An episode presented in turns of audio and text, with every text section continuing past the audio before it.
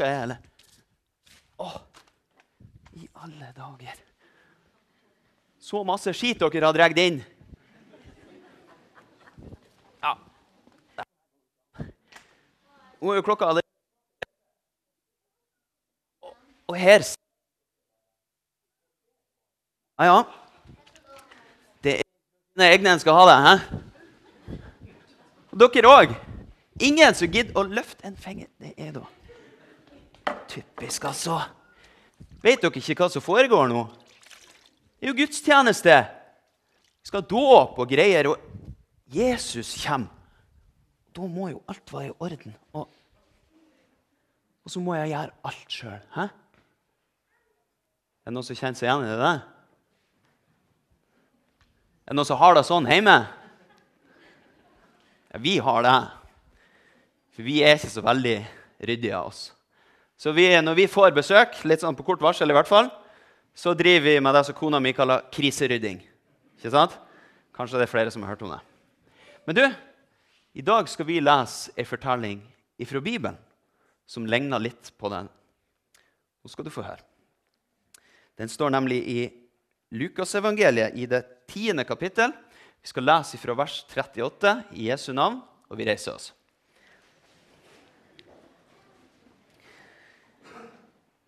Da de dro videre, kom han til en landsby der en kvinne som het Martha, tok imot ham i huset sitt.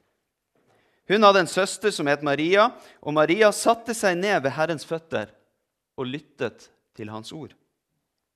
Men Martha var travelt opptatt med alt som skulle stelles i stand. Hun kom bort til dem og sa, 'Herre, bryr du deg ikke om at min søster lar meg gjøre alt arbeidet alene?' Si til henne at hun skal hjelpe meg. Men Herren svarte henne, Martha, Martha, du gjør deg strev og uro med mange ting. Men ett er nødvendig. Maria har valgt den gode del, og den skal ikke tas fra henne. Slik lyder Herrens ord. Hellige Far, hellige oss i sannheten. Ditt ord er sannhet. Amen.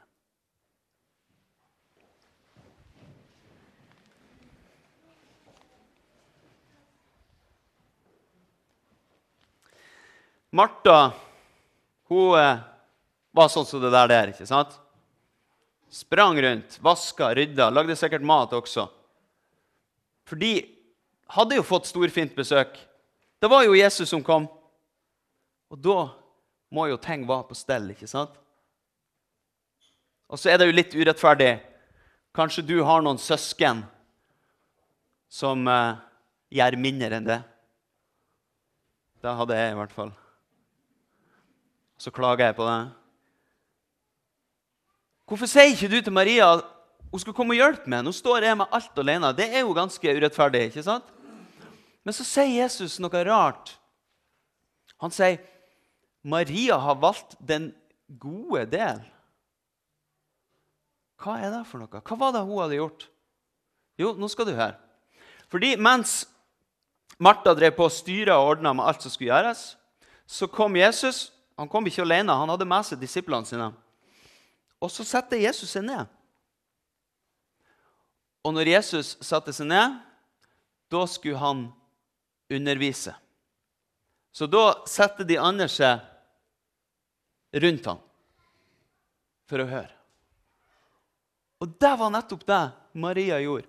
Hun lot husvask være husvask, og så setter hun seg ned framfor føttene til Jesus for å lytte til hva han hadde å si. Det er mange ting vi mennesker må. Og det er, det er viktige ting. Rydding og vasking og lage mat. og Det er sånn voksenting. Dere som er litt mindre, dere har kanskje dere må gjøre noen lekser. Kanskje dere må rydde rommet innimellom. og sånt. Ja, det er viktig. Fordi det er ting som legger til rette for livet. Tenk hvis du aldri hadde rydda rommet ditt.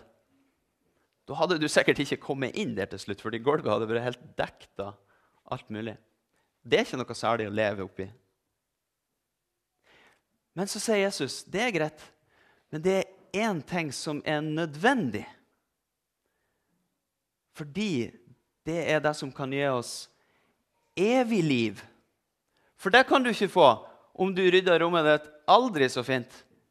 Det kan du bare få hos Jesus. Så Derfor så er utfordringa til oss i dag La vektige ting være vektige ting. Men husk på det nødvendige. For hvis de viktige tingene blir så mange at de dytter helt vekk det som er nødvendig, da går vi glipp av noe veldig viktig. Så vi skal også få lov å ta oss tid til å være sammen med Jesus. Og hvordan kan vi gjøre det? Vi har et veldig godt eksempel her i dag. Vi har nemlig noen som er invitert for å komme og få Bibelen. Der møter vi Jesus. Håper dere vet hva denne skal brukes til. Den skal tas fram og åpnes og leses. Der møter vi Jesus. Og så har vi en annen ting som vi kaller for bønn. Det å be det er også å være sammen med Jesus. Og så Kanskje det er noen som har kjent litt på at å lese i Bibelen det er noe som du må gjøre hvis du er en god kristen. Eller å be det er noe du, du burde gjøre hvis du skal være, hvis du skal prestere for Jesus. Men det å snu det helt på hodet.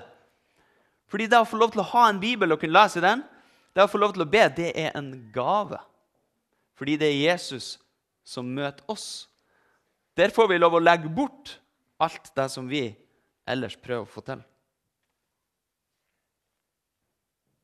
Jeg skal vise dere, jeg skal gi dere et konkret tips. Det kan være litt godt noen ganger. Fordi Noen ganger når jeg ber, så prøver jeg å konsentrere meg, og så begynner jeg å tenke på alt mulig annet. Kanskje det er noen andre som opplever det. Og det gjelder spesielt hvis jeg har masse å gjøre. Hvis jeg ikke har rekt å gjøre lekser med noen av ungene, og middagen ikke er begynt på, og sånne ting, da kommer det masse andre tanker opp i hodet mitt. Og da gjør jeg sånn her. Hvis det er noe jeg kan ordne opp i, ja, da skriver jeg det ned. og så tenker ikke mer på det. Men noen ganger så dukker det opp ting som jeg ikke kan gjøre noe med i det hele tatt. Og da holder jeg hendene mine sånn her når jeg ber. Og så lar jeg sånne tanker samle seg opp i det, og så slipper jeg de. Og så sier jeg, 'Jesus, vær så god. Nå får du ta de.' For det er nemlig den gaven som er bønn. Det at vi får lov å snakke med Jesus om alt som skjer i livet vårt, Og så kan vi få lov å gi det til han. Dere barn, dere skal være glad for at mamma og pappa jobber og tjener penger. For at de rydder huset og lager mat til dere og hjelper dere. Men tenk hvis de bare gjorde det, og aldri hadde tid til å være sammen med dere. Ja, Da har jo de gått glipp av det aller mest nødvendige. Og Sånn kan vi tenke om det her også.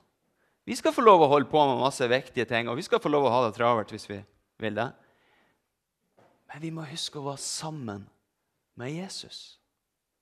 For det er viktigere enn alt annet. Velg den gode del. Så har vi en som skal døpes i dag. Det blir spennende. Aksel, han kan ikke så mye. Kan han det? Ikke ennå. Eh, han stresser ikke så mye i dag. Gjør han det? Dere er kanskje det? Jeg tipper de har hatt noe å tenke på i dag, men jeg tror ikke han har tenkt så mye på det.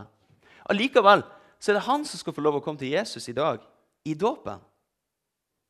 Jesus skal ta imot han og gjøre han til sitt barn uten at han har gjort noe som helst. Han er jo blitt kledd på og alt mulig. Og Allikevel så skal han få komme til Jesus og få del i det evige livet. Og så sier Jesus at det er poenget. Dere også, dere som er stor og voksen, dere må bli sånn som han. Å ta imot. Det er å velge den gode del. Og det skal vi få lov til å ta med oss herifra i dag. Ære være Faderen og Sønnen og Den hellige ånd. Som var, er og være skal, en sann Gud, fra evighet og til evighet. Amen.